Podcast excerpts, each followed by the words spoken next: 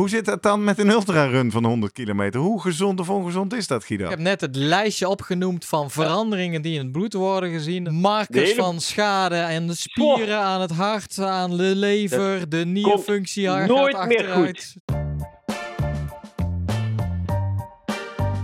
Welkom bij de Slimmer Presteren podcast. Jouw wekelijkse kop koffie met wetenschapsjournalist Jurgen van Tevelen en ik, middle-aged man in Lycra, Gerrit Heikoop. Over sport, onderzoek en innovatie.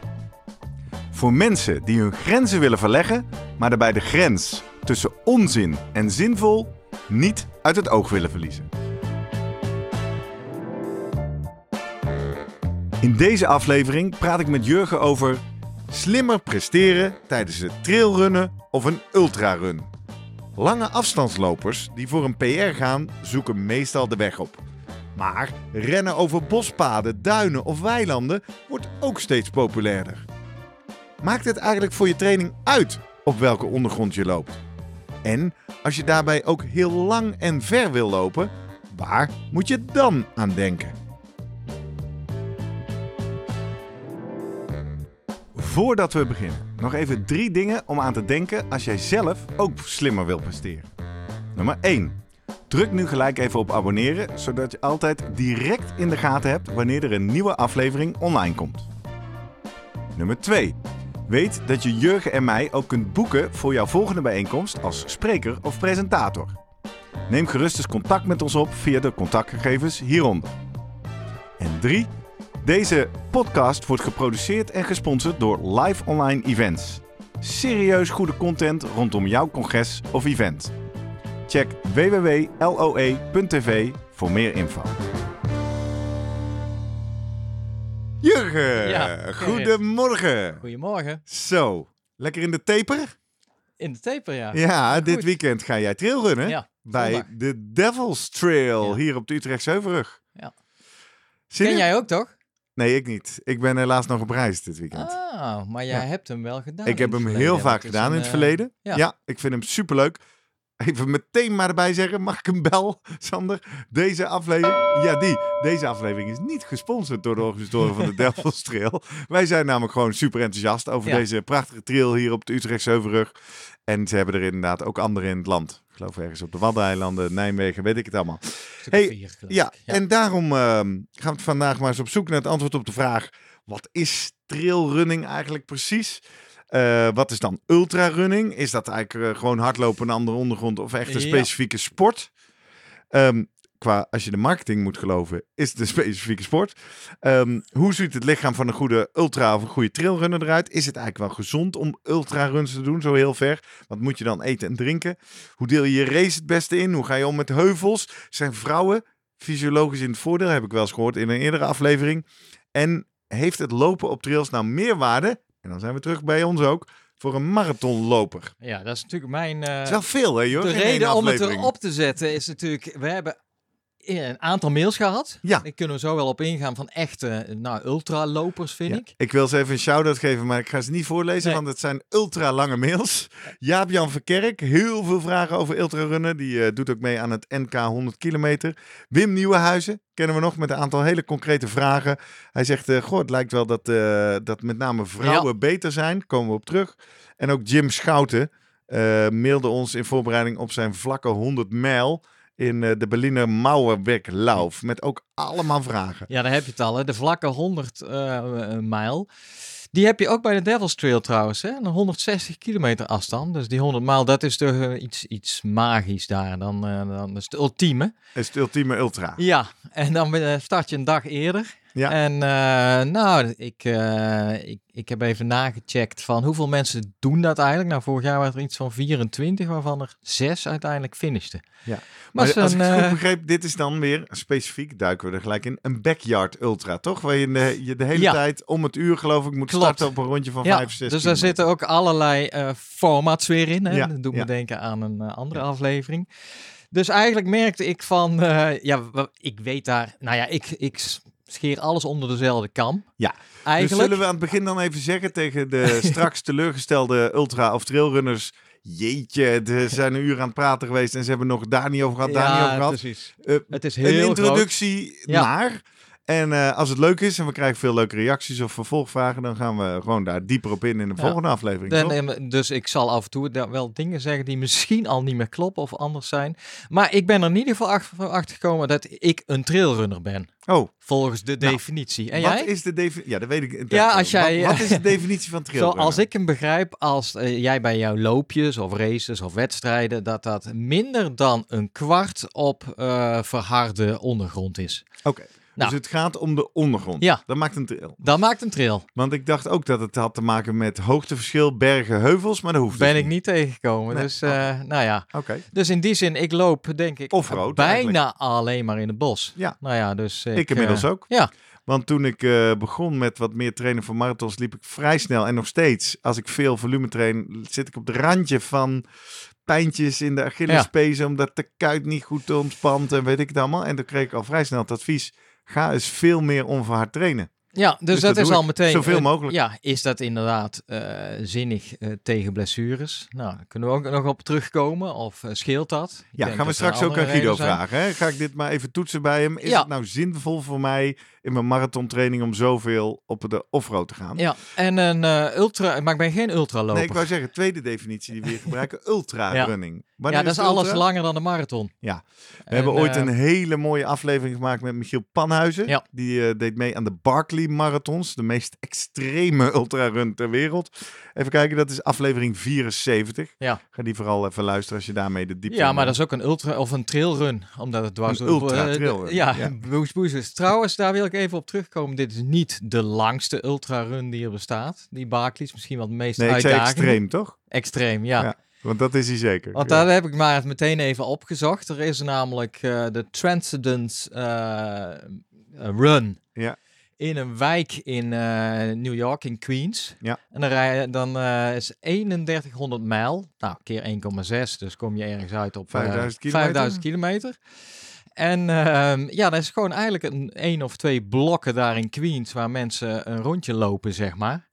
En dan eh, doen ze dat, eh, nou ja, dagenlang. Ja. Je mag er een x aantal dagen over doen, volgens mij 60 dagen. Ja. En dan eh, tussen eh 12 uur s'nachts en 6 uur s ochtends wordt er niet gelopen. Oké, dan moet je slapen. Ja. Of in ieder geval rusten. En Ja. eh, nou ja, goed, mensen doen dat. Er is een kampioen die deed het in 40 uur, las ik of zo. En, of 40 dagen, sorry. Ja, Dat, precies. eh, maar nu, ja. nu, nu duiken we even in Ultra. En dan zeg je al, daar zijn dus formats. Want ik ken ook, als ik aan Ultra denk, denk ik aan die Ultra Mont Blanc Ja. trail. Hè, dat je De 100 of UTMB, 200, ja. ja. 100, 200 kilometer. Dat is dan juist weer een hele mooie tocht. Draait om natuur. Ja. Maar ik herken ook, ik kwam rond Paas, was ik aan het fietsen in Drenthe. Oh, nou vergeet ik zijn naam, want ik weet dat hij misschien wel af en toe luistert. Kwam ik op de fiets een man tegen en die organiseert ook veel ultralopen in het noorden van Nederland. Maar die vertelde ook over een format op de baan. Oh, oké. Dat ja. ze gewoon Ja. 100 kilometer Ja. op de baan gaan lopen. Ja. Zeiden ja, is ook makkelijk organiseren. Ja. Heb je. Nou, wel lastig om die rondjes bij ja, te maar dat zijn dus ik. wel Ja, hele ja. verschillende Ja. formats. En denk Ja. ik ook verschillende doelen, Ja. verschillende beleving. Nou ja, we hadden dus één vraag van over die 100 kilometer in Winschoten. Dat is volgens mij de... Ja. Nou ja, wel voor het NK wordt daar vaak Daar zijn we. Hiske ook ooit eh, tegengekomen ja. eh, toen we de doping Ja, specials gingen maken. Dus dat is wel een, een begrip. helemaal, als ik haar naam noem, eh, van vrijgesproken is. Ja. Dus dat is wel een begrip in Nederland als het om ultra gaat. De 100 kilometer van, van Winschoten. Nou ja, dus nogmaals veel formats. En ja, steeds populairder heb ik het gevoel. Ja. Van... Dus gaan we nu eerst even trailrunnen verder uitrafelen. Wat, wat willen we daarover Nou, weten? het- En wat is er voor wetenschap naar gedaan? Ja. Jurgen? Nou, er is best wel veel... Ja, wetenschap. Er zijn best wel veel studies. Ja, en wat, wat Maar- bestuderen die? Ja, wat die, wat, vol, vooral vragenlijsten. Hey, eh, hoe oud ben je en ben je man of vrouw en hoe vaak train je en eh, waar heb Om je te onderzoeken wie de trailrunner ja, is. wat voor blessures en dan meestal voor of na een race of heb je nog ergens last van. Nou ja, een beetje allemaal van, van dat soort eh vragenlijsten onderzoeken. Ja. Ehm, en eigenlijk eh, veel ook gekeken naar eh pacing gedrag. Van nou ja, hoe delen nou mensen hun eh, races in? Zijn we dan weer bij ultra of nog bij trail? Bij allebei. Oké, want doen trailrunners, delen die hun race anders in dan weglopers? Ja, hangt er natuurlijk erg van het parcours af, maar dat lijkt er dan ergens toch niet op. Kunnen we zo wel op, het, eh, op nou, terugkomen, want daar gingen ook de vragen naar. Nou ja, in principe lijkt het er toch op dat een even pace, zeg Ja, maar. Zo, en, zo vlak mogelijk, Ja. hè? zo lang mogelijk het eh, consistante en eh, tempo houden. liefst misschien dan nog een kleine negative split. Maar ja, dat is eh, dat dat de snelste lopers op de trail en bij ultras en op de marathon. Ja, die zijn in staat om eigenlijk gewoon eh, heel constant te lopen. Oké. Nu is dat natuurlijk wel een beetje lastiger, omdat eh, ja, je hebt ook met heuvels te maken. Hmm. Vooral bij die trails, hè? Ja. Ja. omhoog, omlaag. En dan Ja. kan je al voorstellen, ja, dan is het best wel lastig om heel constant te lopen, hè? Ja. Je gaat toch wel wat langzamer omhoog en eh, sneller omlaag. En daar zit misschien dan ook nog een stukje ehm, verklaring wat de toppers anders doen dan de recreanten. Want wat ze gevonden hebben dus is, als ze dan gaan inzoomen eh, op hun pacegedrag en dan die heuvels gaan meenemen, dan vinden ze juist iets meer, juist meer variatie in snelheden bij die toppers ten opzichte van de recreanten. Geeft aan dat die toppers gaan relatief langzaam de heuvels op en heel snel weer de heuvel af. Ah, dat is hun echte skill. Ja. Snel kunnen dalen in En dat is dan ook de tip die dan die wetenschappers die hierover eh, schrijven geven aan de recreanten. Dus je zou, je hebt misschien de neiging om bij een heuvel ja, extra inspanning te verrichten eh, en dan weer bij te komen in een heuvel af. En zij zeggen ja, dat is niet de manier waarop de toppers dat in ieder geval Nee. doen. Ik heb wel je- eh, een paar vrienden in mijn netwerk die dit ook doen. Ruben onder andere was bij onze honderdste aflevering. Ja. En daar heb ik dat ook wel eens aan gevraagd. Maar ze, ze hiken omhoog. Hè? Het is dus niet hardlopen omhoog, maar het is doorhiken. Wel in een, in een intensief tempo.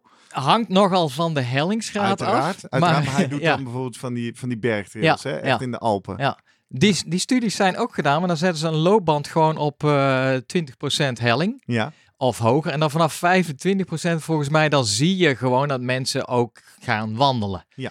Ja, ligt de snelheid natuurlijk. Hè. Dat is natuurlijk, als jij normaal be- begint, ja, je kan niet met eh, een hele lage snelheid eh, hardlopen. Dat werkt niet, hè. Nee, dus je begint nee. wandelen en op een gegeven moment gaat dat lichaam over op eh, hardlopen. Ja. En dat, Interessante studie, maar waren ze op zoek naar bij welke hoek gaat het lichaam wandelen? Of Ja. hebben ze ook iets onderzocht bij welke hoek kun je beter gaan wandelen? Of Ja, kun je beter Het gaan hangt natuurlijk een beetje vanaf. hardlopen? Ik, volgens mij had ik ergens gevonden rond de 25 graden, dan gaat het vanzelf. Maar dat hangt natuurlijk nog een beetje van de individu Ja. af.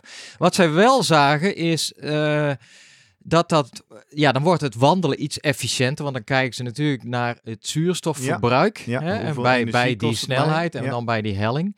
Maar wat ze dan ook eh, beschreven is dat mensen wel gingen klagen over eh, pijn in hun kuiten, vermoeidheid. Bij het stijl omhoog wandelen. Ja, Ja. omdat daar waarschijnlijk dan blijf je lang aan de grond op Ja. één been en je moet jouw lichaam nog helemaal opvangen op dat ene been. Dus dat ze zeggen dat die trailrunners zelf vaak kiezen voor een mix van. Oké. Dus ofwel, dan wordt het lopen misschien iets minder efficiënt. Ja. Maar dan geeft dat toch wat op verlichting op die benen. Ja. En dat dat dan dus uiteindelijk, eh, ja, laat die efficiëntie dan maar even zitten als het eh, beter is voor, eh, ja, voor de belast, belasting en het, het gevoel wat jij in die kuiten krijgt. Dan is het prima om die afwisseling te hebben. Oké. Daarbij hebben ze dan ook getest met pols, hè, met stokken. Pols, ja. Ik denk pols, wat? ja. Pols, Ja. En eh dan zeggen ze, ja, tuurlijk, dat verbruikt ook veel meer energie. Maar je kan daarmee wel natuurlijk weer, ja, een beetje triviaal, die belasting weer ervan afhalen. Dus ze zeggen er, het, ze doen meestal... Zegt de wetenschap iets over trailrunnen met of ja, zonder pols? ja, dus dat, dat uiteindelijk zeg je, ja, het gaat de, je, je verbruikt daarmee meer energie. Want je moet ineens ook je armen gaan ja, je gaan ook inzetten. werken. En ja. Maar uiteindelijk, als jij kijkt naar nou ja, de snelheid die je bereikt. Mhm. eh, en daar gaat het uiteindelijk om. En denk ik de klachten of de belasting ja, ja. en de krachten die op jouw eh, eh, benen met name komen. Dan is het eigenlijk een prima oplossing.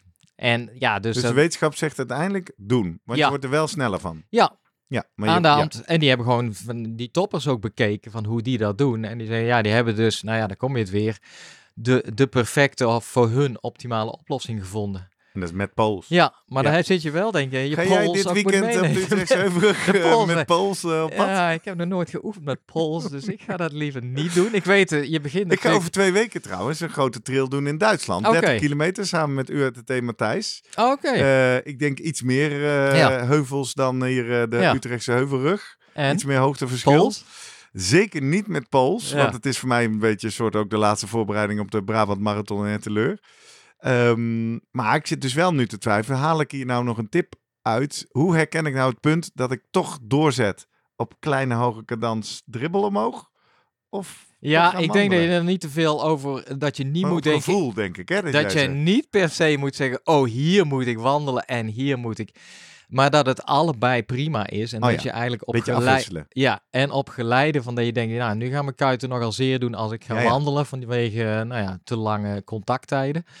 Dat, dat is in ieder geval wat ik heb opgepikt. Eh, ik weet natuurlijk, die Devil's Trail begint eh, met meteen die, die helling eh, omhoog hè, bij het Doornse gat. Hellinkje. Je hebt, nu over, de, je hebt nu over Ja, nou ja. Die heb ik regelmatig toch al eh, eh, bedwongen, dus dat voelt Ja, want wel ik goed zie in de show notes ook een artikel van ja. jou uit 2017 Ja. al. Op Duivelse Paden. Nou, Wat, eh, waar ik- gaat het over? Oh, daar heb ik toen denk ik voor de Utrechtse Sportkrant geschreven. Mijn beleving van die Devil's Trail en eigenlijk van het ultra trailen. ja. En daar heb ik wel wat dingen eigenlijk denk ik uitgelicht. Ultra trailen, de Devil's Trail. Ja, nee, gewoon de trailrunning, sorry. Ja. En eh, ik deed toen ook de 16, denk ik. Ik heb wat dingen ver- uitvergroot, zoals je dat dan doet in zo'n stuk. Ja, Een stuk de relaxe sfeer van tevoren sowieso. Eh, het samen aftellen op, eh, op de muziek van Running with the Devil of een ander. Ja, in geval. ja, ja, ja. Thunder was het. ja.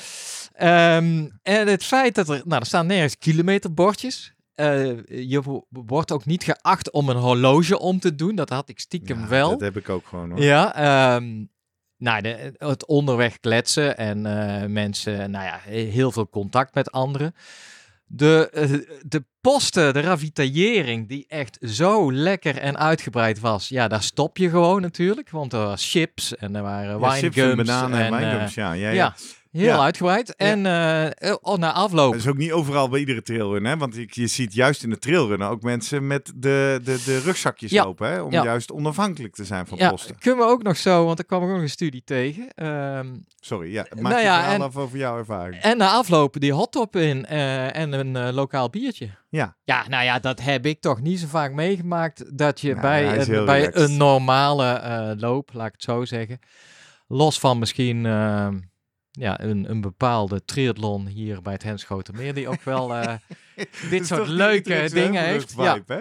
Nee, Ik, maar moet het is... zeggen, ik heb hem volgens mij sinds 2017 ook ieder jaar gedaan. En ik heb inmiddels ook alle afstanden gedaan. Ja. Eh 16, 26, Ja, 36. maar niet die 160, ja, die hadden Nee, ze niet ik. 160. Ja. Nee, die hadden ze toen nog niet. Ook die 36? Ook de 36. Oh. En eh, ik heb ook ik heb de routes, de GPX-routes Ja. zitten vast in mijn horloge. Dus eh, ja, het is natuurlijk luxe dat wij hier wonen. Ja. Zeker ook in coronatijd heb ik nog wel eens gewoon die routes gelopen. eh, Linksom en rechtsom. Ja. Ehm, ja, dit is eigenlijk voor het eerst in jaren dat ik, eh, dat ik er niet bij ben. Nee, maar ik ben het wel met je eens eh, dat eh, sommige mensen zullen zeggen, dit is een best wel een flauwe en een makkelijke trailrun qua hoogteverschillen en eh, ja. Kijk, ja. want ik denk als jij in het westen van Nederland woont en je komt nooit Ja. een duin tegen, dan zijn dit aardige heuvels. Zeker. Ik denk ja. als jij gewend bent om in de Ardennen of in de Alpen te trailrunnen, dat dit stelt natuurlijk geen zin voor. Maar die, die van jou in Duitsland, hoeveel, ja, hoe, hoe zwaar zal die zijn? Hoeveel ik, hoogtemeters ik zeg en zo? even uit mijn hoofd 2100 of 2900 Ah, hoogtemeters. ja, nou. nee, echt wel. Ja. Dat, is, dat is wel een echte, zeg maar. Wordt mijn eerste echte. En hoe ga je daarvoor trainen?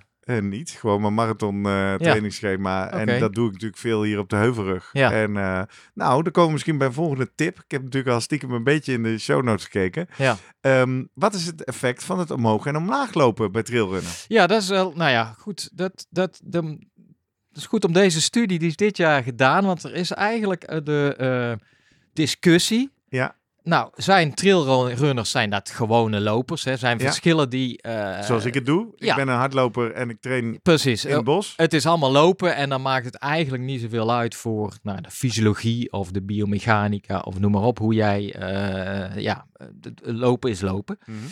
En ehm, omdat uit vorige studies blijkt gewoon van de, de aloude wetten die gelden voor een snelle hardloper. Wat maakt iemand een snelle hardloper? Er zijn een aantal parameters, die kan ik nog wel even herhalen, hebben we het eerder over gehad.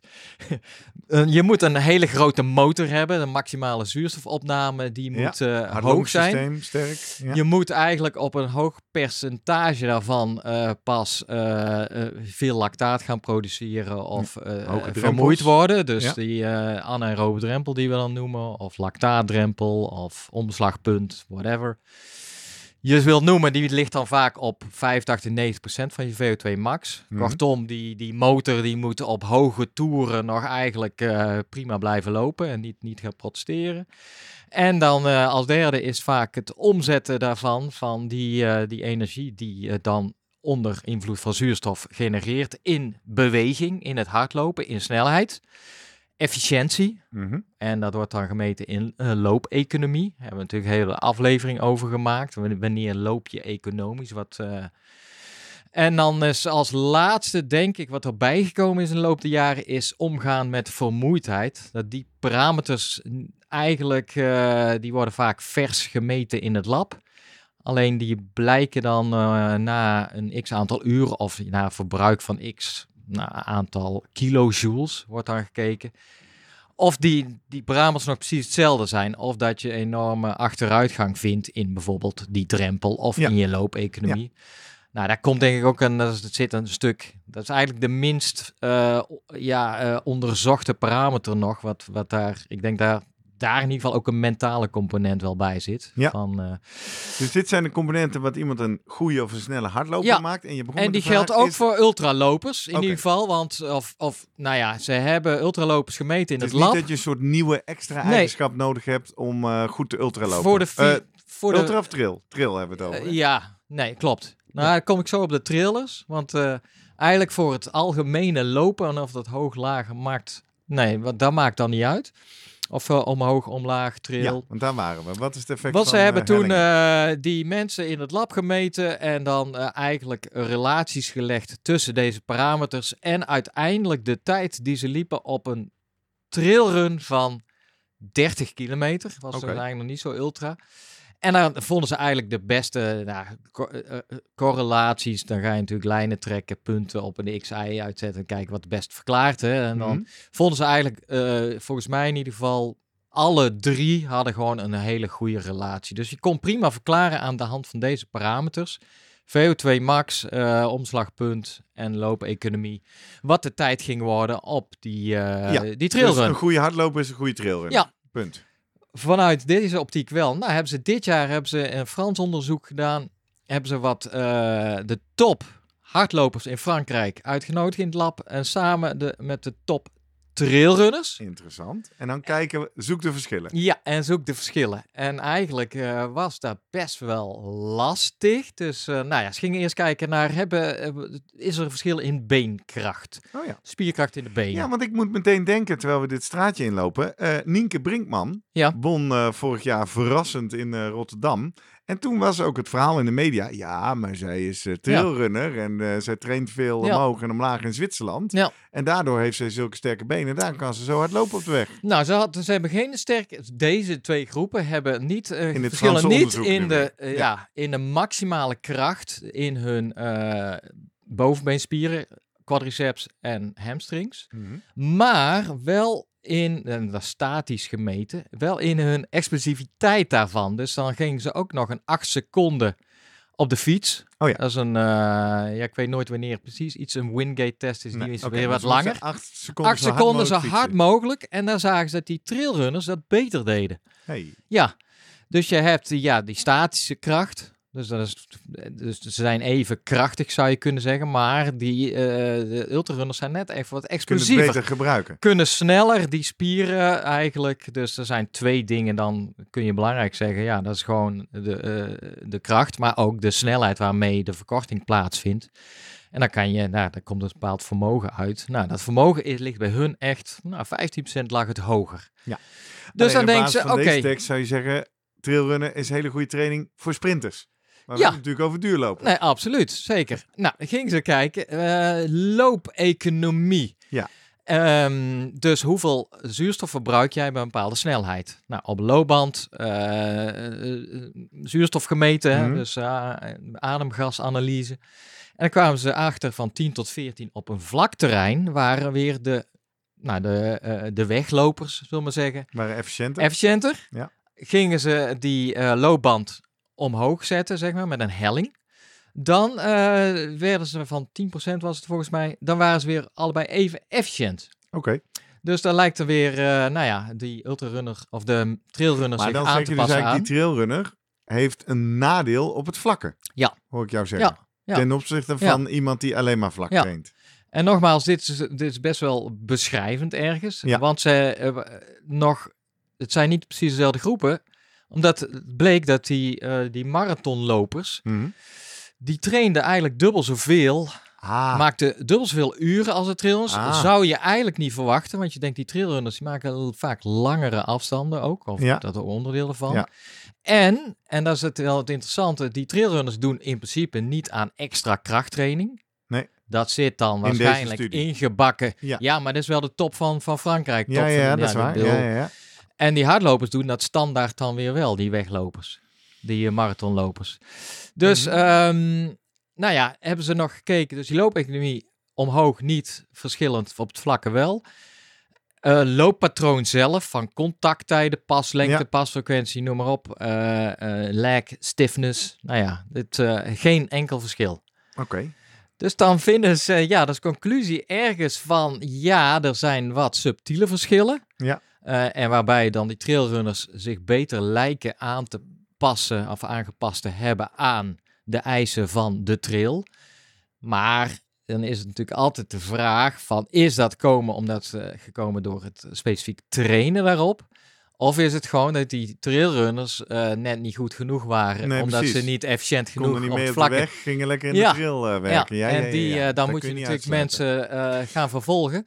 Maar, het lijkt er wel op, want er zijn aanwijzingen. Verder volgen bedoelde jij, hè? Ja, Je hoeft ze niet te vervolgen. vervolgen ook. Dat Ja, lange, lange tijd volgen. Een vervolgstudie. Vanaf, vanaf, ja, vanaf, jongs af aan. Ja, vertel. Dat, eh, nou ja, goed. eh, dat uphill en downhill, dus omhoog en omlaag lopen, zijn wel hele goede eh, weerstandstrainingen in principe. Toch? Ja, voor jouw eh, hierop. Daar bovenbenen. wilde ik naartoe. Want Jij vroeg mij, hoe bereid je je daarop Ja. voor? En toen zei ik, nou, gewoon mijn marathonschema voor eh, de Brabant Marathon 21 oktober. Behalve dat ik hier in het bos bij ons expres Ja. de hoogtemeters opzoek. En dat kan waarschijnlijk die explosiviteit wel eh, verklaren. En natuurlijk die, eh, de betere explosiviteit. Omhoog moet je natuurlijk extra gewicht eh meeschouwen. En Ja. dat is sowieso de belasting van je hele lichaam. merk je ook hartslag, longen, Ja. ademhaling gaan meteen meedoen. Mhm. Dus het is in die zin, en vooral als jij dan dat op tempo doet, geeft dat gewoon al een, eh, een hele mooie krachttraining. Ja. En het eh, leuke is dat je dan, als je omlaag gaat, dus dit is een concentrische eigenlijk Mhm, krachttraining, mhm, waarbij de, mhm. die spieren kracht leveren terwijl ze ko- verkorten. Ja. Omlaag wordt altijd gezegd, hoe, daar moet je mee uitkijken, want daar krijg je extra spierpijn van. Hè? En dat Ja. is juist, jouw spieren gaan die eh, jouw gewicht eh, vangen. Eh, waarbij ze juist iets verlengd worden. Dus ze trekken samen, worden verlengd. zijn excentrische eh, spiercontracties. En die gaan vaak eh, ja, die gaan gepaard met dat extra spierpijn, dat delayed onset muscle soreness, DOMS. Ja, ja. Omdat daar nou ja, extra schade eigenlijk geeft. Je kan je ook voorstellen, hè, de spieren zijn aan het Maar samentrekken en wordt uit elkaar getrokken. Ja, juist. maar dat is En, dus eigenlijk goed. dat is in, goed, In het begin want- heb je extra spierpijn, maar dat betekent ook dat die spier zich gaat ja, aanpassen. dat is echt zo'n. eh, eh, vroegere labstudies namen dit vaak om het op te wekken. Maar wat ze dan zagen is een, eh, dat het al heel snel, als je al eh, de tweede of de derde keer dit eh, herhaalde bij een proefpersoon, had hij al steeds veel minder last. Oké, dus Dus de adaptatie eh, is ook ja, snel Dus daaraan. het re- repeated bout effect heet dat. Nou ja, dat is een, dus iets, het, het lichaam weet heel snel al de spieren aan te passen en te versterken aan, eh, ja. Maar het mooie aan het downhill is natuurlijk eh, die belasting voor die beenspieren is er wel. Maar eigenlijk voor, je hart en longen weer Nee, niet. nee, dus je nee, hebt twee vormen ergens van een eh, van, van krachttraining voor Dus, eh, dynamische in de krachttraining voor je, voor je spieren. Ja, Als je heuvels in de buurt hebt, doen. Ja. Moet ik denken aan de volgende anekdote. Eh, want wat nou als je geen heuvels in de buurt hebt? Ja. Zijn, zijn trappen dan zinvol? En dan moet ik denken aan vriend van de show Menno Veldman. Ja. Die is ook helemaal omgegaan naar het ultrarunnen en het trailrunnen Ja. en de hoogtes in. En die zie ik op Strava, jongen. Dan gaat Ja, hij af en toe naar de. Wageningse berg. Ja. En dan gaat hij honderd keer die trap op en af of zo. ja. Wat ik alleen al heel bijzonder vind qua mentale training. Ik denk, vermoed dat hij het daarom ook doet. Maar is er nog iets te zeggen over dat, dat een trap dan ook een hele goede voorbereiding is op, op klimmen en dalen? Ik heb daar niet specifiek iets over gevonden. Ik moet ik me al. herinneren dat onze, eh, eh, toen wij ons experiment deden bij eh, Soesterberg, Ja. met, natuurlijk met de vermogensmeter. Toen er geen wind was, gingen we maar met, de trap met op. de stride en, eh, en Guido juist aanmoedigen, ga die trap op. Jazeker, ik denk dat dat eh, ja, ook een heel, nou misschien zelfs wat gecontroleerder is dan die, eh, die heuvels opzoeken. En dat je, dus ik doe het ook wel eens bij het Doornse Gat, inderdaad. ja. Eh, ik weet niet specifiek of daar, eh, nee, daar zijn volgens mij geen echte Nee, ja, studies naar gedaan. Maar die, Ik eh, overvraag je, maar ik wilde even een shout-out maken oh, jij Menno. wil in de aanloop voor Duitsland nog even wat... Nee, ik hoef geen trap op, want ik woon op Utrechtse Heuvel. Ja, maar ik weet inmiddels dat wij luisteraars door het hele land hebben, ook waar het zo plat als een dubbeltje is. Dus ja, goede vraag, zeker. ja. Ja, ja. volgende aspect. Wat trailrunnen natuurlijk anders maakt dan gewoon hardlopen. Waarom ik het ook doe. Enerzijds wellicht ondergrond meer demping. Ja. Minder, eh, minder klappen op je benen, spieren, gewrichten. Maar hebben we hier eh, eerder dit seizoen kort al even aan gerefereerd. Wij komen graag bij het Athletic Skills Model. eh, ASM. Belang van variatie van trainen. Ik zei toen tegen Geert Savelsberg. Goh, als ik nou eens ASM ga toepassen op marathontraining. Dan moet hij heel lang nadenken. Dan zei hij, ga maar eh trailen. ja. Ja. Want dan moet je veel meer met coördinatie. De, de, de, de ASM staat natuurlijk ook heel Ja. de coördinatiecentraal. Anticiperen, coördineren. Zijn daar ook studies van? Nee, of tenminste dat je zou zeggen, ten eerste ook met blessures en zo. Ja? Ja. Het, het grappige is eigenlijk dat die studies die dan proberen te vatten van de krachten die op jouw, nou ja, gewrichten of spieren of pezen of noem maar op. Ja. Die vinden eigenlijk weinig verschil. En dat heeft weer te maken met die aflevering die we ooit hebben gehad over eh, schoenen Mhm. kan ik me herinneren.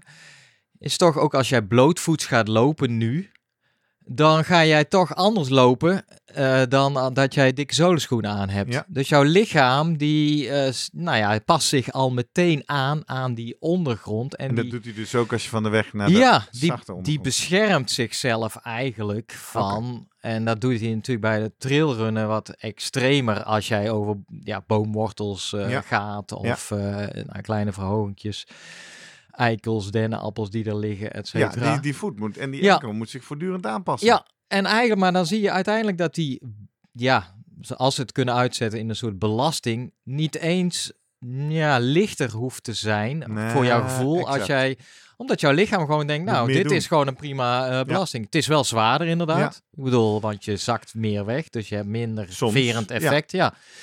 Dus dat, eh, dat, daar worden eigenlijk geen verschillen in gevonden. Ik, en, en wel inderdaad, maar goed, dat, dat kijk ik ook een beetje naar mezelf. En eh, eh, ik ben natuurlijk biased door ASM, denk ik. Ja, Dat het inderdaad hè? ja, goed ja. is om, en dat is ook als ik zelf af en toe training geef bij de UATT, zoek ik ook in ieder geval eh, het zand op of, eh, of, of iets. Met de uitleg van, eh, of, of een ondergrond inderdaad in het bos. Ja, straks loop je in een race. Ja, en dan eh, vraag ik aan de mensen, hoe kijk je, waar, waar kijken jullie eigenlijk naar? Hè? En dan zie je mensen nadenken, ja, eh, staar je nou steeds naar de grond wat er voor je ligt? Nee, want volgens mij moet je gewoon echt vooruit kijken. Maar eh, dan weet je niet heel goed als er ineens een, een bidon ligt of een, een bekertje of noem maar op. En Ja, dat is eigenlijk ja. de perfecte manier, vind ik eigenlijk, om door het bos lopen. Omdat je dan merkt van ja, jouw lichaam, die, je merkt van hé, hey, dit- nou, dit- ja, continu ligt daar weer iets onder. En door dat volgens mij te trainen, heb jij gewoon al een, een perfecte aanpassing aan alle, nou ja, gekke of rare of onverwachte omstandigheden die je te maken kan krijgen bij nou, een, een race of vermoeidheid sowieso. Hè, et Ja. Dus, Ja, eh, grappig. Hier, hier praten we zo ook over door Ja. met Guido, toch? Eh, ik moet snel twee anekdotes, kunnen we zo aan hem voorleggen. Ik was laatst, hè? het wordt nu langzaam weer sneller donker. Dus ik had Ja. nog een lange run en ik kwam in het donker terecht. Zelfs nog een beetje in het bos, terwijl dat natuurlijk eigenlijk niet mag. Vond ik ook wel spannend, want dan weet je dus zeker dat er wortels zijn die je niet ziet. Ja. Ja, dan ga je inderdaad heel anticiperend lopen of zo. Toen Ja. dacht ik, nou, dit is vast een goede training. Ja. En wat ik ook merk, is eh, mijn enkels lijken, en nu jinx ik het, dus ik moet het even afkloppen, maar lijken wel een soort van onverwoestbaar. Want ik merk, af en toe maak ik echt een misstap. En Ja. echt, dat ik me echt verstap. ja, en toch weer... Nou, eh, veert gewoon ja. terug en gaat Ja. gewoon verder. Ja. Hè? Dat, dat Ja. lijkt allemaal wel eh, Ja. rekbaar en, en op te vangen. Ja. Dus Nou, Ja. ik wijd dat maar aan het trailen.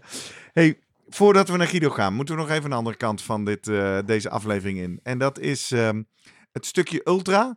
Ja. En dan met name wil je even inzoomen op allerlei vragen rondom voeding en Ja. vrouwen. Ja, laten we dat doen. Oké, voeding. mooie ja. onderwerpen. Voeding en vrouwen. Ja, nou dat is wel een bekend eh, iets van dat die voeding echt lastig is. Ja. Het is gewoon echt eh, dat eh, ik, ik zag een overzichtsstudie en daar, daar wordt dat ook benadrukt.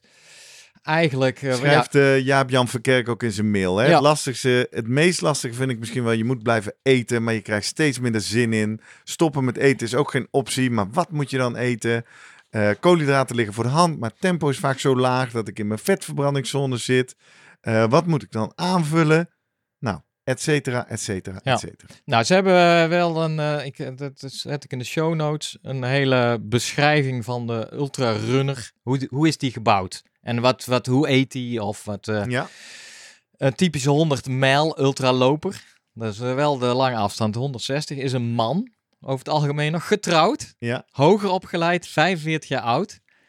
En eh, nou, je piekt daar een beetje op die afstanden rond de 45, 35, 45 jaar. Leeftijd wordt hoger bij langere afstanden zelfs. Eh 20% van die finishers nog op die afstand is een vrouw. Nou, ze hebben alle, over het algemeen, nee, duidelijk, een lager BMI dan de rest van de bevolking. Ja, Ultrarunners. Ja, logisch. Ja. Ze zijn eh, ook wel gezonder. Dus er komen amper mensen voor die uiteindelijk Die hart- en vaatziekte, kanker of noem maar Ligt op. wel even Diabetes. wel aan welke kant van de streep je dit meet. Ja. Want ik kan me voorstellen, als je dit onderzoek gaat doen bij mensen die een ultrarun gefinished hebben, Ja. dan zal je daar weinig zieke mensen treffen. Kan ik Je weet natuurlijk niet hoeveel er onderweg Ja, in het trainingsproces zijn ze uitgevallen. hebben wel meer allergieën en astma. Oh ja, Ja, daar en is hij weer. Dat astma wellicht geïntroduceerd door veel buiten zijn. Ja, ja. Ja. Eh, goed punt. Ze zijn minder vaak afwezig van, van het werk. Oh, Ja. heel goed. Ten opzichte van de Behalve, normale behalve bevolking. als ze even 60 of 100 Ja, kilometer gaan lopen, dan zie je ze Ja. twee dagen niet.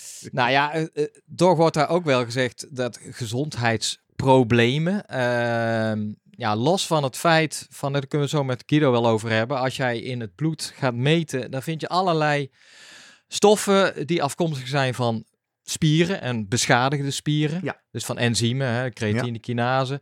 Ook van het hart, troponine, hebben we natuurlijk met Thijs IJsvogels over gehad. Ja. Van, eh, Is mogelijk een risico? Ja. Krijg je verka- vakantie ja, van? dat, dat is je eigenlijk aan het uitzoeken. Waar, waar, ja, wat, het is een marker voor spierschade, in ieder geval bij iemand die echt eh, ja, een acute hartaanval heeft gehad. Maar het feit dat je het in veel, veel lagere concentraties, maar nogmaals, het is wel iets verhoogd, vindt Ja. bij nou, triatleten, ultralopers, marathonlopers. Ja, is dat een teken echt van schade of er is iets anders aan de hand? Dat, eh, dat zie je ook met, met leverenzymen en eh, de nier die je toch wel even weer, eh, nou ja, de functie wat achteruit is gegaan. Meestal gaat dat toch na drie, vier dagen is dat wel allemaal weer op orde. Maar waar zij wel op duiden is het, het, het red S. Het is, het is de relatieve energy deficiency syndroom in sports. Dus dat je eigenlijk de inname eh, bij eh ultra-runners van jouw energiebehoefte eh, niet gematcht wordt. Nee, eh, plat gezegd, ze krijgen het niet bijgegeven. Nee. En dat is, eh, ja, dat wordt ook, nou, hij beschrijft dat ook natuurlijk in zijn mail. Ja, je moet zoveel eigenlijk eten om eh, voor een hele lange afstand. Op een gegeven gaat moment gaat jou... bij de wedstrijd of ook bij trainen specifiek? Want syn- het, het syndroom krijg je natuurlijk Ja. over een langere Ja, periode. nee, dus als jij veel traint, dan ga jij ook... eh, ja, ga je gedragen zoals in de wedstrijd. Klopt. Ja. Nou ja, en eh, nou, ja, de, de aspecten die daarvan zijn, is gewoon eh, met name je darmen gaan protesteren. Mhm. Je hebt gewoon geen trek meer in met name die, die zoetigheden. Ehm, en, da en daarbij is natuurlijk ook nog het feit van dat mensen denken, en hij ook van eh, in, in de mail van ja, maar je, ik doe het toch op vet. Maar ze hebben toch, over het algemeen vinden ze toch dat in ieder geval 50, 60 procent vaak op koolhydraten eh, de, de preferente brandstof is. Ja. En heeft natuurlijk ook te maken met dat je in een race toch denk ik wat dieper gaat dan normaal. En wat, eh, nou ja, de start meenemen. Vooral eh, als je omhoog gaat, Mhm. ja, dan lukt het vaak niet Nou, om dat puur en alleen nog op vet te doen, zeg En daar maar. hebben we natuurlijk al vaker over gehad. eh, vet als energiesysteem Zeker, dat is in de lage zone, maar dat betekent niet dat koolhydraatverbranding Nee, uitstaat. Hè? nee, Die staan helemaal altijd niet. allebei aan. Ja, dus ze zeggen zo, nou ja, eh, hoe langer de afstand, hoe meer die verhouding richting ook het vet gaat. Ja. Maar van nature praat je nog steeds over 70, 30, 60, 40 eh, eh, Dus, verhouding Wat kunnen wij. Jaap-Jan vertellen over eh, wat je nou moet eten bij ultra's? Ja, dat is een hele, ja, eigenlijk, ehm, en we kunnen het ook nog over drinken hebben. Maar ehm, eh, kijk, ook het hongerhormoon leptine, dat verandert. Eh, dus je krijgt ook gewoon minder honger. Ja, ik kom toch uit op training the gut. Aan de andere kant kan je afvragen... Training ehm, the gut hebben, de kennen ja, wij, want hebben we vaak blijven. Betekent oefenen. Dus tijdens je training al oefenen met de voeding die je in je wedstrijd wil gaan eten.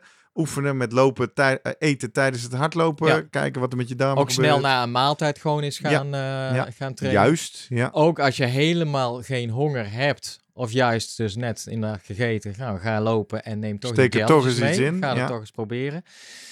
Aan de andere kant, ja, er is, eh, en, en dit zou toch wel, gebeurt het gewoon dat mensen, die ultralopers, het prima af kunnen met tijdelijk gewoon een mismatch. En dan Ja, ja.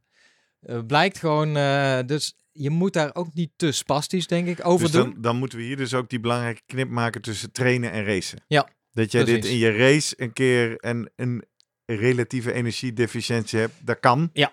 Als je maar niet dat als een gewoonte aanwendt in je dagelijks leven. En dan moet je niet per se gaan wegen na afloop en denken, oh, ik ben zoveel eh, afgevallen. nee, want dat is vocht. Want er is een studie geweest en dan, die wou ik toch eens even benoemen. Daar hebben ze een vrouw, en ik moet, het was een Engelse, die eh, heeft het wereld, ja, die wilde wereldkampioen worden op eh, de loopband. En die hebben ze zeven dagen op een loopband gezet. Ja, ik zie in de show notes Sharon Gator. Die is het, die ja. En eh, die hebben ze nou in het lab mooi kunnen vervolgen.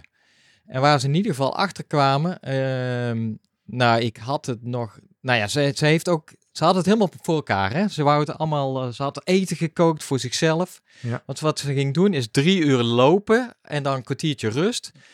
En dan weer drie uur lopen en dat eh, zeven dagen lang. Mm.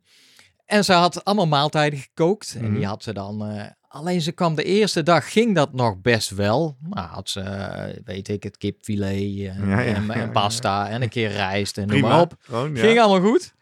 En alleen na zeven dagen, toen merkte ze, ja, ik trek het gewoon niet meer. Na zeven of na twee? Nee, het begon in de loop van de... na- Ja. op het eind, op zeven dagen hebben ze ook laten zien wat ze doen. Het waren alleen maar smoothies en shakes en vloeibaar en Oh ja? noem maar op. En, di- en, en cokes en noem maar op.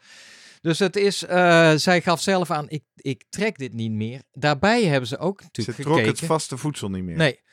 Alleen, hoe erg was dat? Uiteindelijk voor haar snelheid niet echt. Want zij eh, hield die snelheid... Je gaat snel. Hoe erg was het dat ze vast voedsel niet meer trok? Ja. Dat was niet erg voor de snelheid. Nee, dus zij kon gewoon doorgaan en ze kon het volhouden met een verschuiving naar vloeibare voedsel. Ja, en maar het was ook duidelijk dat zij eh, veel te weinig innam. Oh ja. Want zij kwam uiteindelijk uit op een verbruik wat de normale eh Tour de France renner ook op een dag heeft. Ja, Richting, 6.000, 7000 kilojoule. precies, ja. hè? ja. Kilo, eh, Kilocalorieën. Ja, Ja, precies. sorry. Ja. Alleen haar inname gemiddeld genomen per dag was daar de helft van maar. Hmm. En dat was eigenlijk, dus dat vonden zij, dachten ze van ja, dit, dit kan toch niet goed zijn. En zij, toen vroegen ze aan haar, ja, eh, heb je dan, eh, doe je dit vaker? Of zei ze, ja, eigenlijk is het niet heel anders dan ik normaal gewend ben bij mijn races. Want ik wil ook nooit te veel meenemen, zeg Nee, maar. dat is voor een praktisch En eh, dus zij voelden zich eigenlijk daar prima onder. Ze hebben ook niks, die, eh, de onderzoekers, gevonden van, hé, hey, die heeft schade opgelopen. Alleen zet ze haar op de weegschaal en dan bleek ze gewoon een kilootje te zijn aangekomen. Hè? Ja. Hoe dan? Hoe dan? Nou ja, ze heeft natuurlijk gedronken. Ja. Dat deed ze wel. Iets van eh 200 milliliter per uur of zo was het. In ieder geval, dat heeft ze en gewoon prima stond in gedaan. een lab, hè? Dus ze heeft Ja. misschien wat minder gezweet. je, Ja, eh, nou, dan moet je goede ventilatie Ja, hebben. Eh, daarmee maar aangevende van dat, ja, puur wegen en denken van al het, nou, als ik een kilo kwijt ben, is dat een liter vocht geweest. Dat het wel een stuk complexer Ja, zit ja, bij ja, langdurige inspanningen. Dus zij op de een of andere manier het lichaam gaat vocht vasthouden op een moment waarschijnlijk, of dan bij langdurige inspanning. Ja, is dat omdat je ook bijvoorbeeld zout gaat vasthouden? Dan kunnen we zo weer komen. Maar ik kan de- me ook voorstellen als zij op een gegeven moment in de dag 5, 6, 7 al haar voeding vloeibaar neemt, dan Ja, neemt ze natuurlijk ook heeft ze wel nogal genoeg. wat vocht Ja, in. Hè? ja. Nee, maar dat is wel het punt van eh, wat ook die, eh, die, eh, de, de wetenschappers die veel studie doen naar uitdroging Mhm. maken, is van we komen veel vaker de mensen tegen die eh watervergiftiging hebben bij Ja. ultraloop eh, lopen dan, eh, dan dat ze uitgedroogd zijn. En daar hebben we natuurlijk al eerder over gehad, om, vooral in de Verenigde Staten, omdat daar altijd gehamerd wordt op drinken, drinken, drinken, drinken. Ja. En dan krijg je ja, die, uiteindelijk die hyponatriëmie. Ja. Dat je een, te veel vocht eigenlijk inneemt, waardoor de natrium belangrijk molecuul in je lijf voor nou ja, prikkelgeleiding, dat dat eh, te laag wordt in je bloed. Ja, dan ben je natuurlijk verder van huis. Dus, Dus eigenlijk is, eh, en eerder- dus hun advies is daarbij ook, alsjeblieft ga gewoon op je dorstgevoel af. Toch, ja. Ja, want ja. eerder refereerde, refereerde ik al even aan de, de trailrunning market, waar de rugzakjes eh, Ja. heel populair zijn. Ja. Ik zie het ook altijd rondom de marathon, marathon Amsterdam voor Rotterdam. Dan zie ik dus mensen met zo'n waterzak lopen. Dan denk ik, jongens, meiden, om de vijf kilometer een waterpost heb je echt Nee, niet nee, nodig nee. in een stadsmarathon. Nee, nee. Maar ik heb ook wel eens bedacht, gewoon dadelijk 30 kilometer door de Duitse eh, heuvels. Ja. Ik weet nog niet wat daar staat. Misschien moet ik ook. Ik, ik, ik heb niet zoveel met zo'n zak Ja. water op mijn rug. Ja. Wat, wat, wat wil je Ja, daar nog over Dat zeggen? was die studie. En dan misschien, oh, dat is een mooi experiment voor jezelf. Ja. Die eh, hebben gewoon heel simpel mensen een stride op om eh, hun schoenen gebonden, om de ja, veters. een vermogensmeter. Ja, En daar allerlei parameters, bijvoorbeeld die, eh, die eh, de, de leg eh, stiffness. Ja. Eh, daar kijk jij misschien wel of niet naar, dat weet nee, ik niet. maar dat zegt iets over de veerkracht van je benen. Ja. Ja. En dus zij hebben en dan mensen eigenlijk een ja, soort vest om hun middel laten doen van met 5% van het lichaamsgewicht of 10. Oké. Dus ze, ze gingen meten wat is het effect van zo'n waterzak Ja. op je hardlopen. Ja, op allerlei parameters Ja. die de stride geeft. Ja. En eigenlijk kwamen ze erachter van, nou, bij 5%, Ja. Dat dat zelf zorgde voor een iets verbeterde eh, stijfheid in die benen. Oké. En dus daaruit concluderend van in ieder geval, nou, eh 5% is veilig. Dat misschien geeft het iets meer stabiliteit of noem maar op. Ja, dat weet ik het niet. Maar 10% wa- is dan echt al te veel. Ja. Want dan gaat het ten 10% koste van je loopstijl. hè? Ja, ja. Dus ik ben, eh, nou, ik zou willen dat ik 78 keer, maar laten we voor het rekenen, Ja. maar ik zeg, ik ben 80 kilo. Dus ik, als ik 8 liter water, ja, maar Ja. 8 liter water gaat er ook Nou, helemaal maar niet in 4 zo'n zak. liter. Nou ja, maar je goed. eh, dus 4 liter. Maar je kan, je neemt Dat nog is 4 andere... kilo ook, Maar je neemt andere dingetjes mee, hè? Ja, Toch? Eh, Ja. je, je gelletjes en je pols misschien dan toch maar ik neem mijn pols niet mee. maar Extra dus, schoenen. Dus je moet zo'n in zo'n rugzak ook niet meer dan eigenlijk een liter of 2, 3 Nee, hebben. En precies. nu, nu Ja. voel ik me betrapt, want ik denk, ik heb eigenlijk geen idee hoeveel er in zo'n zakje gaat. Weet jij dat? Ik weet het ook niet, nee. Nee. Maar, Maar dat ik dacht van, je- Zeg mij, het zal niet heel veel meer. jij kan het 2, 3 allemaal zijn. meten, dus ik ben eigenlijk benieuwd naar dat ik, experiment. eh, hoe jij ja, maar dat... dan moet ik, zo'n, za- moet ik zo'n zak gaan kopen. Dat vind ik Ah, niet zinvol. Oké, ja, er zijn genoeg luisteraars die... Die misschien wel één willen doneren met zo'n je. slangetje. Ja. ja. Dus, eh, nou ja, goed. Ik denk dat dat ook een beetje een afweging is van eh, eh, praktisch en... en Maar toch ook interessant, jij zegt bij 5% lichaamsgewicht zagen ze eigenlijk een verbetering in de looptechniek parameters. Ja, ja. Nou, met name die leg stiffness kan ik, kan ik Ja. me herinneren. Ja. Daar vind ik ook een beetje, ja, hoe goed... je vindt altijd, ja, die, die stride geeft heel veel output, hè? Ja, dus je vindt altijd wel Eh, echt je vindt altijd wel een parameter waar je denkt, oh, dat is een gunstig effect. Dus ik ben nog niet helemaal eh, overtuigd van dat. Nou, iedereen denkt van ook de gewone marathonlopers, ah, ik moet er weer, juist weer een zak aan gaan doen. Ja. Dus, eh, nou ja, ehm, Jurgen, oefenen, denk ik. we hebben oefenen. het over trailrunning en ultra Ja. Trails. Nou wil ik toch proberen dit niet een ultra lange aflevering te maken. Nee. Dan heb ik liever dat we straks een keer op basis van de reacties en vervolgvragen Laten we de diepte eh, ingaan. Ja, Ehm, maar je hebt ook nog twee slides meegenomen. Ja. Moeten we daar nog iets mee? Waar nee, want dat naar? is, dat is eigenlijk eh, precies het voedingsschema van de dame. Oh, eh, is van deze ja, Sharon. Ja, dan kun je Dit is wat beetje... zij allemaal at. Ja, Nou, dan kunnen we dat, eh, dat staat in de show notes. We kunnen het even op YouTube laten zien. Het is een hele lange lijst. Ja. En we zien het verschil tussen dag 1 en dag 7. Ik heb aan de rechterkant van het scherm wat. eh, het geeft wat wel aan, ja, het is eten, eten, eten, eten. Het is wel Ja, ontzettend we veel zien wat je- haar ja, ieder uur natuurlijk Ja. Eh, minimaal eten. Nou ja, we kijken, er is nog steeds eh, die discussie van of, nou ja, hoeveel kan je eigenlijk innemen? En we begonnen eigenlijk met, met ooit met 60 gram koolhydraten per uur. Dat werd op een gegeven moment 90 als je de goede mix glucose fructose. Toen was er een studie, daar hebben we het eh, al in andere afleveringen gehad, bij ultralopers. Die gingen al voor de 120. Ja, grappig. Koolhydraten dus, hè? Ja, Dus in tegenstelling tot de common sense die eh, Jaap Jan ook gebruikt, niks eh, op vet. Gewoon Ja. heel veel Ja, koolhydraten eten. Alleen dan, die lopen echt wel. Het zijn toplopers op hoge eh, intensiteit. Dus in die zin ben je er wel, ja, ehm gaat het er wel om dat jij gewoon jouw koolhydraten neemt. Maar ja, ik zou zeggen, neem een, eh, af en toe een banaan of een Ja, ja, ja. boterham of noem maar op. Nou, nog één bochtje in. Wim Nieuwenhuizen wilde het nog over vrouwen hebben. Ja. Hè, Die schrijft in ons eigen land Irene Kinnegim en Samena van der Meijden regelmatig mannen overklassen in wedstrijden. Zeker ook in de VS met de bekendste loper Courtney de Walter, winnares van de Western States en zesde overal in de Camille Heron. Ja. Wim, ik leun maar even op jou. Het zegt me nog niet zoveel. Wij hebben al een aantal keer, we hebben een aflevering over verschillen tussen mannen en vrouwen. Ja. We hebben volgens mij nog een keer over gehad. En daar hebben we volgens mij al eerder in deze podcast verteld dat hoe langer de afstand, hoe beter vrouwen presteren ten opzichte van mannen. Hè? Daar lijkt het wel op, maar dat ze ze echt inhalen. Ik heb een laatste stuk voor Sportgericht over eh, geschreven. Alleen is het zo dat de vrouwen echt sneller zijn dan de mannen. In ieder geval met genoeg data Even om dat te ondersteunen. stappen, En fysiologische parameters ja, erachter. wat, Ja, Voor, wat voor misschien niet voor iedereen duidelijk is, toch de obvious thing.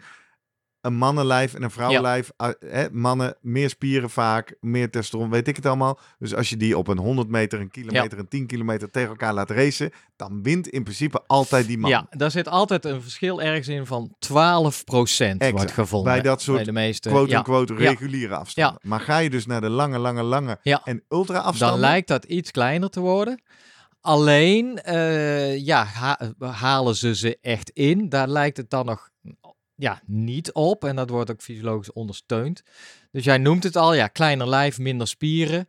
Maar met name een lager hemoglobine. Dus een Mhm. lager percentage rode bloedcellen. Ook ten opzichte van het lichaamsgewicht. Ehm, ja, de s- spier-vetverhouding is natuurlijk net even wat eh, gunstiger zeg maar, voor de mannen, waardoor ze meer eh, hun VO2 max ten opzichte van hun lichaamsgewicht ook hoger ligt. Ja. Het vrouwen waarom ze wel geschikter lijken voor lange afstanden, is met name ehm, dat zij hun ro- meer rode spiervezels hebben. Oké. Nou, en die kunnen het heel lang volhouden. Ja. En die kunnen ook beter op, op vet eigenlijk, beter vet verbranden. Mhm. En het peesgedrag lijkt wat beter te zijn in die vrouwen. Dat mannen toch de neiging hebben om te hard van stapel te lopen. En dan weer, eh, nou ja, even weer af te zwakken en dan weer, weer te versnellen. Door, eh, en ja, waar dat nou precies aan zit in de hersenen. Nou, we, we kunnen binnenkort hebben we wel iemand, een expert die hier eh, ook gepromoveerd is op pacinggedrag. Dus Ja. dat is een mooie vraag voor Stijn Menting die we gaan uitnodigen. Ja. Maar uiteindelijk zeggen ze, ja, het, ja, het lijf is toch vanwege met name nou te, die VO2 max, de, de rode bloedcellen, dus het zuurstoftransportcapaciteit die wat lager is, ook het hart eigenlijk, eh hartvolume en de hartcapaciteit ten opzichte van, eh, van het lichaamsgewicht, wat toch bij vrouwen net wat ongunstiger is dan bij mannen. Is wat je nu ziet dat af en toe vrouw wint, is ja, eh, meer toeval dan. Eh, dus dan niet nee. Dus alleen ja, één sport is lange afstand zwemmen. Want dan hebben die vrouwen meer eh, baat bij het drijfvermogen. Ja, nee, de- en daar. dit nou weer voor afslag? Ja, ja, goed. Als je wil weten, zijn dan echt geen disciplines waar die vrouwen echt de, Ja, beter zijn dan mannen. Maar dit was niet de Ja. aflevering eh, verschil tussen vrouwen en Ja. mannen. Hè? Die Ja. hebben we al. Ehm, nog één vraag. Jim Schouten, die wilde ook nog over dat pacen weten. Maar Ja. misschien moeten we die dan ook meenemen in de aflevering van Stijn. Volgens mij hebben we het over gehad. Hij- ja, ja, jij zei zo vlak mogelijk, want hij Ja. vraagt zich nog af, zou het nou handiger zijn dat je juist wat langzamer gaat, omdat het dan minder belastend is? Of moet je dan sneller gaan, Nou, daar hadden we het misschien klaar? bij het uphill eh over, hè, wanneer jij eh boot... Ja, kijk, het is volgens mij nog altijd zo dat eh, het energieverbruik per kilometer nagenoeg hetzelfde is, of je nou wandelt of hardloopt. Ja, ja. En ook, ja, Dus maar toch uit- niet of je langzamer of harder hardloopt? Ja, jawel. Dus Uiteindelijk maakt, wel. Ja, ja, ja. ja. Dus je verbruikt Het energieverbruik uiteindelijk... is gelijk. Ja, ja. Dus Per is kilometer. De, is de advies zo vlak mogelijk en zo hard of zo dicht mogelijk tegen je drempel aan zonder Ja, dat, dat het misgaat. Maar weten we ook al uit de marathon, en die duurt maar tussen de drie en vier uur voor mij, dat bijvoorbeeld die hartslag die gaat omhoog Ja. drijven. Hè? Hoe noem je dat? Dus onder Die drift, on- ja, de cardiovascular onder- drift. Ja.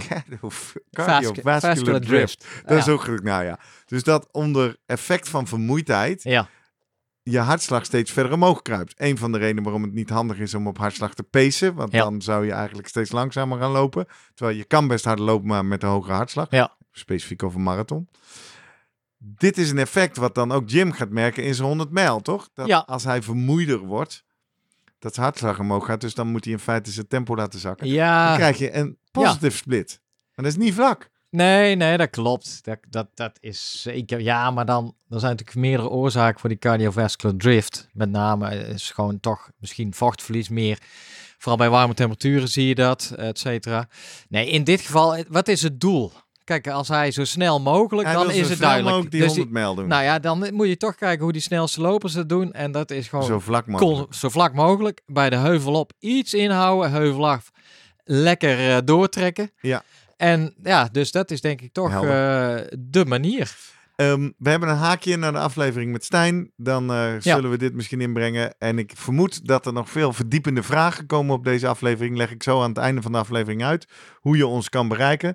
Maar laten we eerst maar eens aan Guido gaan vragen. Eén, of het nou echt zo slim is dat ik de hele tijd mijn marathontraining op eh trail eh, ondergrond doe. En hoe gezond of ongezond zijn die ultraruns nu eigenlijk? Laten we zoomen met Vroemen. We gaan zoomen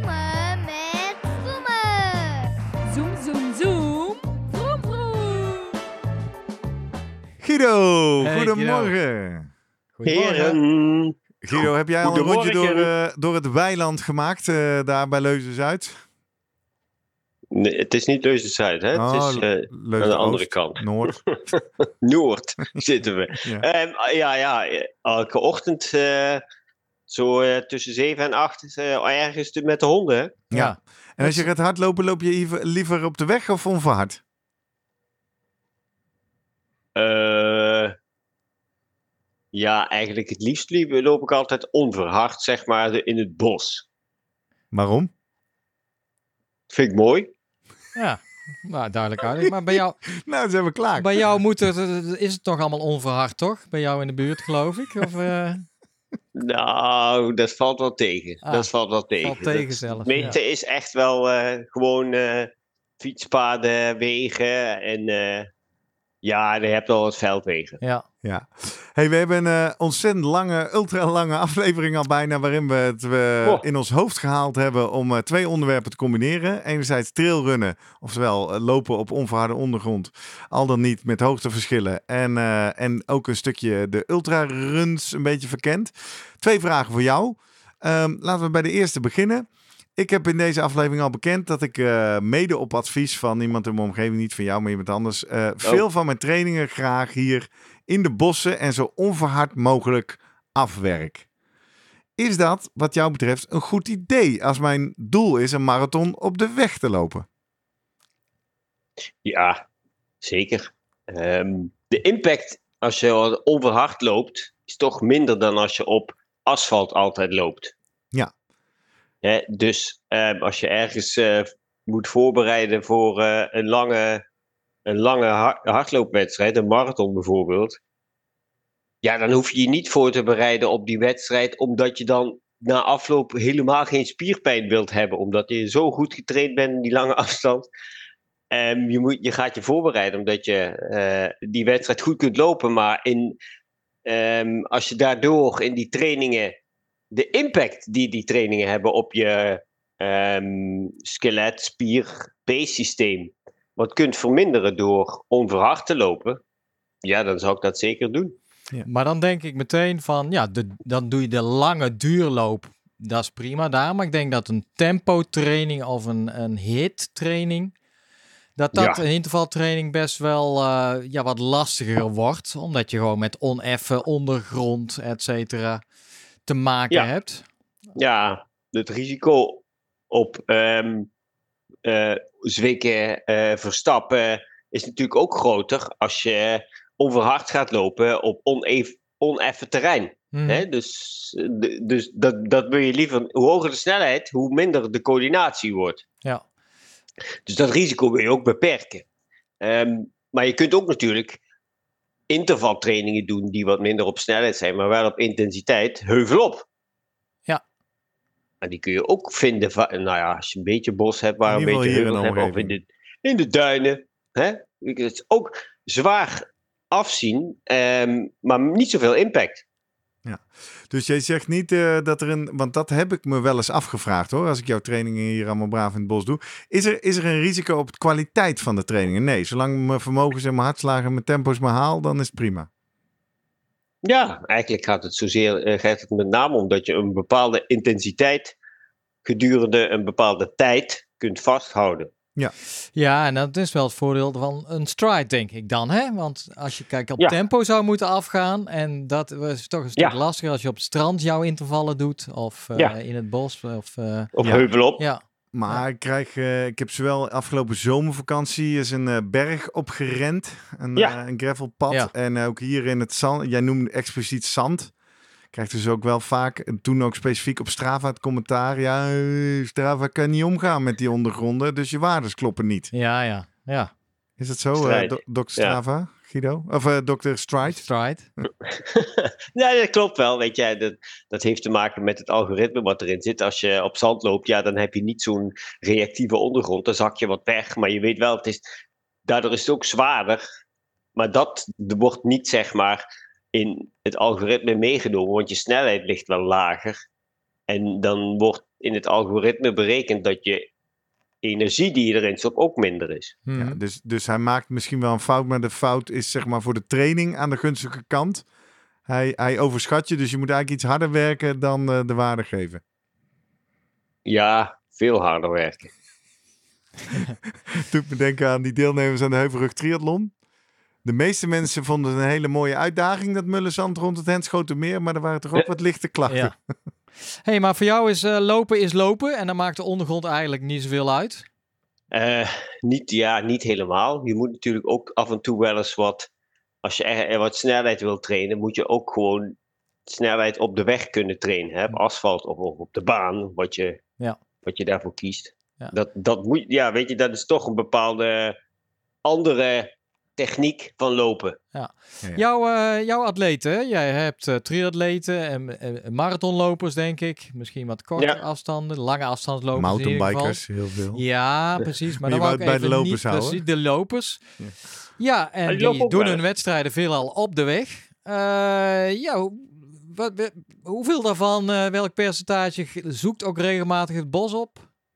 Oh, niet zoveel. Oh, het bos op in de training bedoel Ja. je? Ja. Oh ja, als, ze in de, als dat in- ja, niet iedereen heeft dat helemaal zeg maar op de hoek. Ehm, maar degenen die dat een beetje in de buurt hebben, die doen dat toch wekelijks. Oké, dus één Ja. keer. Ja, dus eh, dat vind ik, Zeker. dat, nou ja, in jouw, eh, ja, zoals jij erover denkt, is dat natuurlijk meer dan prima. Ja. Maar, ja, ja, ja. eh, Kijk, het gaat met name erom dat je de kwaliteit. Trainingen die hoef je niet altijd in het bos te doen. En stel dat je daar mooie, nou ja, gravelpaden, fietspaden hebt, dan kun je het natuurlijk daar ook doen. Ehm, maar vaak heb je ook wel eens wat gewoon een, langere, rustige duurloop. Nou, dan bij voorkeur zou ik die gewoon in het bos doen. ja, Mooi. Volgens mij hebben we dit onderwerp hoor. ja. Eh, lopen is lopen. Goed op ondergrond. Af en toe je tempo's wel degelijk ook op verhard doen. Want die snelheid heb je ook nodig. En niet alleen in het bos eh, trainen als je uiteindelijk een marathon. Daar moet, daar moet ik een beetje over nadenken. Ja, Als dan Je moet af en in- toe wel een keer op de in weg, ja. Rotterdam Maar dat doe je eh, toch lekker bij de UTT op de brink. hè? Ja, Dan precies. komt het allemaal wel goed. Gelukkig. Schakelen we door. Eh, niet een marathon, maar twee marathons. Of drie. Ultralopen hebben we het ook een beetje over gehad, eh misschien Guido. wel dagen Oh, ja. achter elkaar. Ja. Ehm, Ja. En dan spreken we jou weer even aan in je perspectief als arts. Dat is altijd leuk dat we bij jou allebei kwijt kunnen. Ehm, Ja. Sommige mensen verwijten mij al dat een marathonlopen toch niet gezond is. Hoe zit dat dan met een ultrarun van 100 kilometer? Hoe gezond of ongezond is dat, Guido? Ja, nog minder gezond natuurlijk. Want ik, ik heb net het lijstje opgenoemd van veranderingen die in het bloed worden gezien. Dat zijn allemaal oh, enorm. markers hele- van schade en de spieren aan het hart, aan de lever, de nierfunctie gaat nooit meer achteruit. Nee. Het komt echt nooit meer goed. Als je daar gaat, naar gaat kijken, komt het echt nooit. Dan ga je met, val je meteen om. Ben je dood. Op basis van de medische waardes. Ja. ja, nee, maar dat, dat, dan komt het echt nooit meer goed. Kijk, je hele systeem wordt natuurlijk helemaal op de kop gezet. eh, door elkaar gerammeld. Ehm, van een marathon al. Nou ja, als je dat keer drie gaat doen, of keer vier, of keer, vij- keer vijf, hè, noem het maar op. Ehm, ja, dat is heel veel meer van wat, wat, wat nou ja, eh, een beetje lopen voor, voor de mensen is goed, hè, een beetje bewegen. Te veel of heel veel lopen, ja, dan gaat het weer de andere kant op. Hè. Dan, dan heb je weer niet heel veel gezondheidswinst ervan. Dan heb je misschien prestatiewinst ervan, maar het is niet per se gezond. Mhm. En dat, dat is natuurlijk een beetje het vlak waar je een beetje strijd tussen hebt. Hè? En op wat voor termijn, want, want ik denk ook aan een gouden uitspraak die ik ook eh, recent heb gequote van jou. Ons lichaam is heel erg plastisch. Oftewel, Ja, je kan het heel veel pijn doen en dan kan Ja. het zich ook wel weer redelijk snel herstellen. dat klopt. Aan wat voor termijnen moet je denken als je, nou laten we die 100 kilometer maar eens als voorbeeld nemen. Eh, bij zo'n marathon hebben we het al over, hè? Eén week absoluut niet lopen is meestal het advies. En daarna eh, nog zeker een tijdje rustig aandoen. Hoe zit het bij zo'n ultra? Ja, dat komt een beetje op hetzelfde neer, misschien nog iets langer. Ja. Kijk, al, meestal zeg ik altijd: het is niet zo dat ik zeg absoluut niet lopen. Het, zeg, het is er meer als je nog steeds spierpijn hebt Ja. van, van het lopen. Doe dan even wat anders. Hè? Ja. Ga dan eh, Losfietsen. eh, zwemmen of ga Mhm. gewoon fietsen. Wandelen. Ehm, want ja, zolang je echt zoveel spierpijn hebt, dan heeft het niet zo heel veel zin om dan nog meer te, weer te gaan lopen. Nee, helder. Nee, dus in, uiteindelijk is die, die bounce back is vergelijkbaar.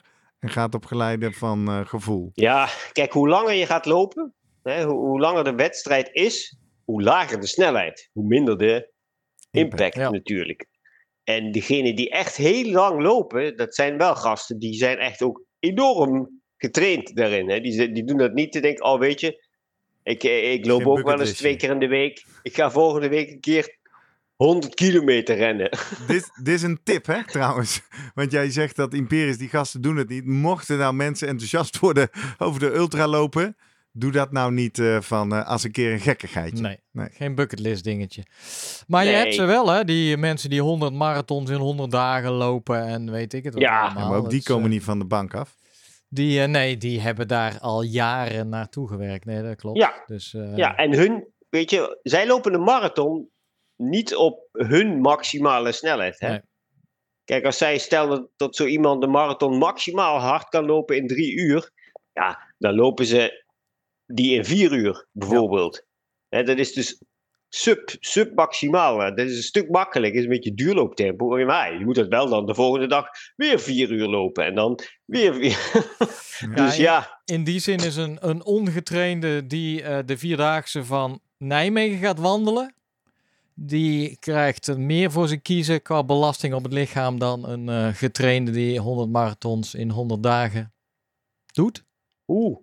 Nou, Dat is een goe- een goe- ik weet niet of dat nou in eh, dezelfde Als algemene is. stelregel lijkt me die lastig. Maar Ja. het principe Ja. wat je probeert te duiden. Ja, ik snap wel. hem. Ik snap hem. Iemand die ongetraind is en heel veel belasting op het lichaam gaat leggen, een paar dagen achter elkaar, zal er veel meer van langs krijgen en, en last van hebben dan iemand die daar goed voor getraind Ja. is. Ja. Ja.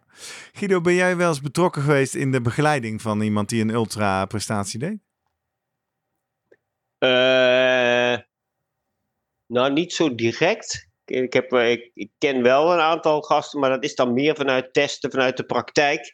Loopbandtesten en dan trainingszones aan de hand daarvan. En ehm, dan zelf gingen ze verder richting een ultraloop, wa- 100 kilometer of een Spartathlon, 250 kilometer, mhm. dat soort dingen. Nee, ik zat even te wrikken of er misschien daar vanuit jouw ervaring met dat soort atleten nog een belangrijke tip of inzicht of wijsheid eh, op te graven valt. Ja, kijk, als je, daar, als je daarvoor wilt gaan trainen, dan moet je natuurlijk veel belasting aan kunnen. En, en wat ik vaak wel tegenkom is dat mensen die daarvoor gaan trainen, ehm, Het grootste probleem is om heel aan de start te komen. Ah, Ja. Niet Dat heel is- aan de finish, maar Ja. heel aan de start.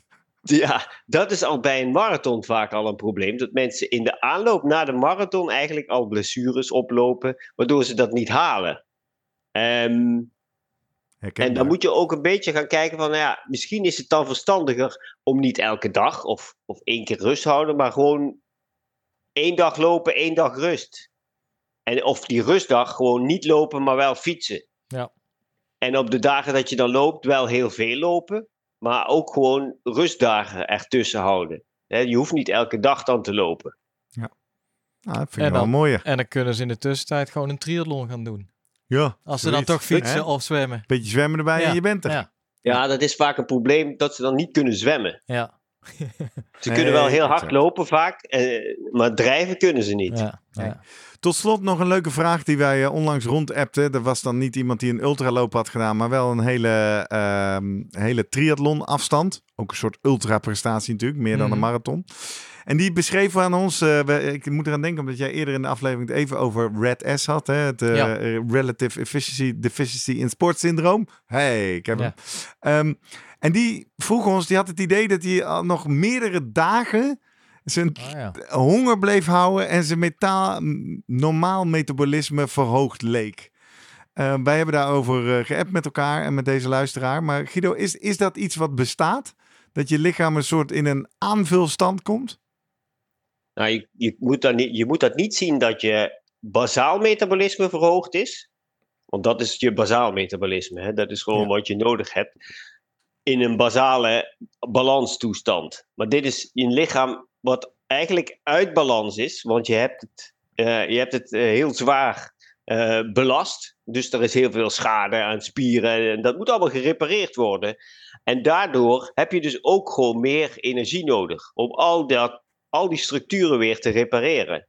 Dus daardoor heb je ook extra energie nodig. En dat is niet omdat je bazaal metabolisme is verhoogd. Ja, ja. En, dat, en dat kan dus wel meerdere dagen duren, zoals deze luisteraar ervaren. Ja, dat gevoel heb je vaak inderdaad. Hè? Dat, je, ja, je hebt, dat loopt een beetje achter dan. Hè? De, ehm, de spijsvertering, de, de, de eetlust. hè, Je hebt, je hebt gewoon veel meer nodig om alles te repareren. En als dat weer na een paar dagen is dat meestal wel weer oké. Mooi. Mooi dat we die nog even meepakken. Volgens mij hebben we dan een eh, eerste vrij lange aflevering over trailrunnen en ultrarunnen gemaakt. Niet de eerste over ultrarunnen. We hadden het eerder al over de aflevering met Michiel Panhuizen. Over de Barkley Marathons. Daar zitten ook wat mooie omdenkwijsheden in. Dus die eh, kan ik je van harte aanraden. Ehm, wij gaan ons opmaken voor eh, de volgende stap. Dus ik ga onze luisteraars nog één keer uitleggen. Als jij vragen, aanvullingen, opmerkingen hebt over dit onderwerp, dan kun je ons op een aantal manieren bereiken. Allereerst zijn we de Slimmer Podcast op Instagram, op LinkedIn en op Twitter, voormalig Twitter X. En dan maken we van iedere aflevering, iedere vrijdag een post. Die kan je doordelen, kan je hartjes geven. Ga ons vooral daar volgen, want dan weet je meteen altijd waar de aflevering over gaat. Of ga naar onze website www.slimmerpodcast.nl. Dan vind je van iedere aflevering een eigen link. En die kan je rondsturen door WhatsApp naar al je trailrun vrienden en vriendinnen.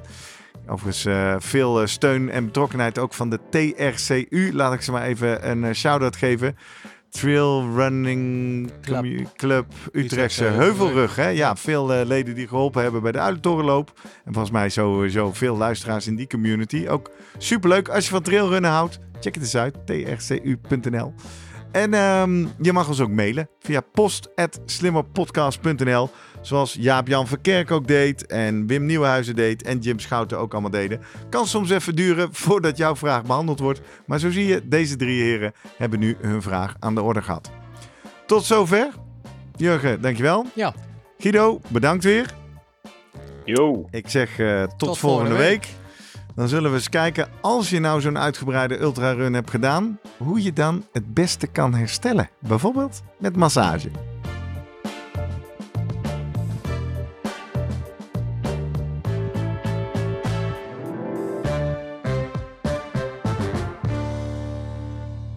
Goed dat je nog even luistert. Aan het eind van iedere aflevering geven we je graag nog een tip uit onze rijke archieven van de Slimmer Presteren podcast.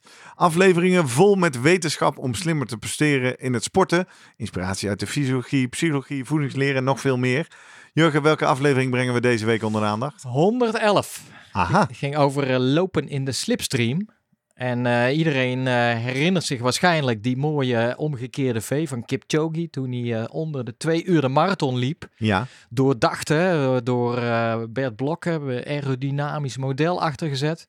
Nou blijkt eigenlijk, en zo bespreken we dat in die aflevering, dat ook jij en ik, die toch een stukje langzamer dan Kipchoge lopen, profijt kunnen hebben door in de slipstream van eh, de voorganger te gaan. ik kan je vertellen, deze aflevering heeft mijn gedrag in hardloopwedstrijden bijzonder veel beïnvloed en veranderd.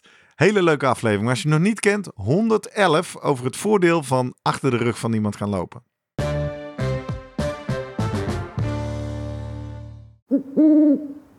Hey, pst. Voordat je weggaat, denk er nog even aan uilentorenloop.nl. Dan zien we je de eerste zaterdag van juni. Tot dan!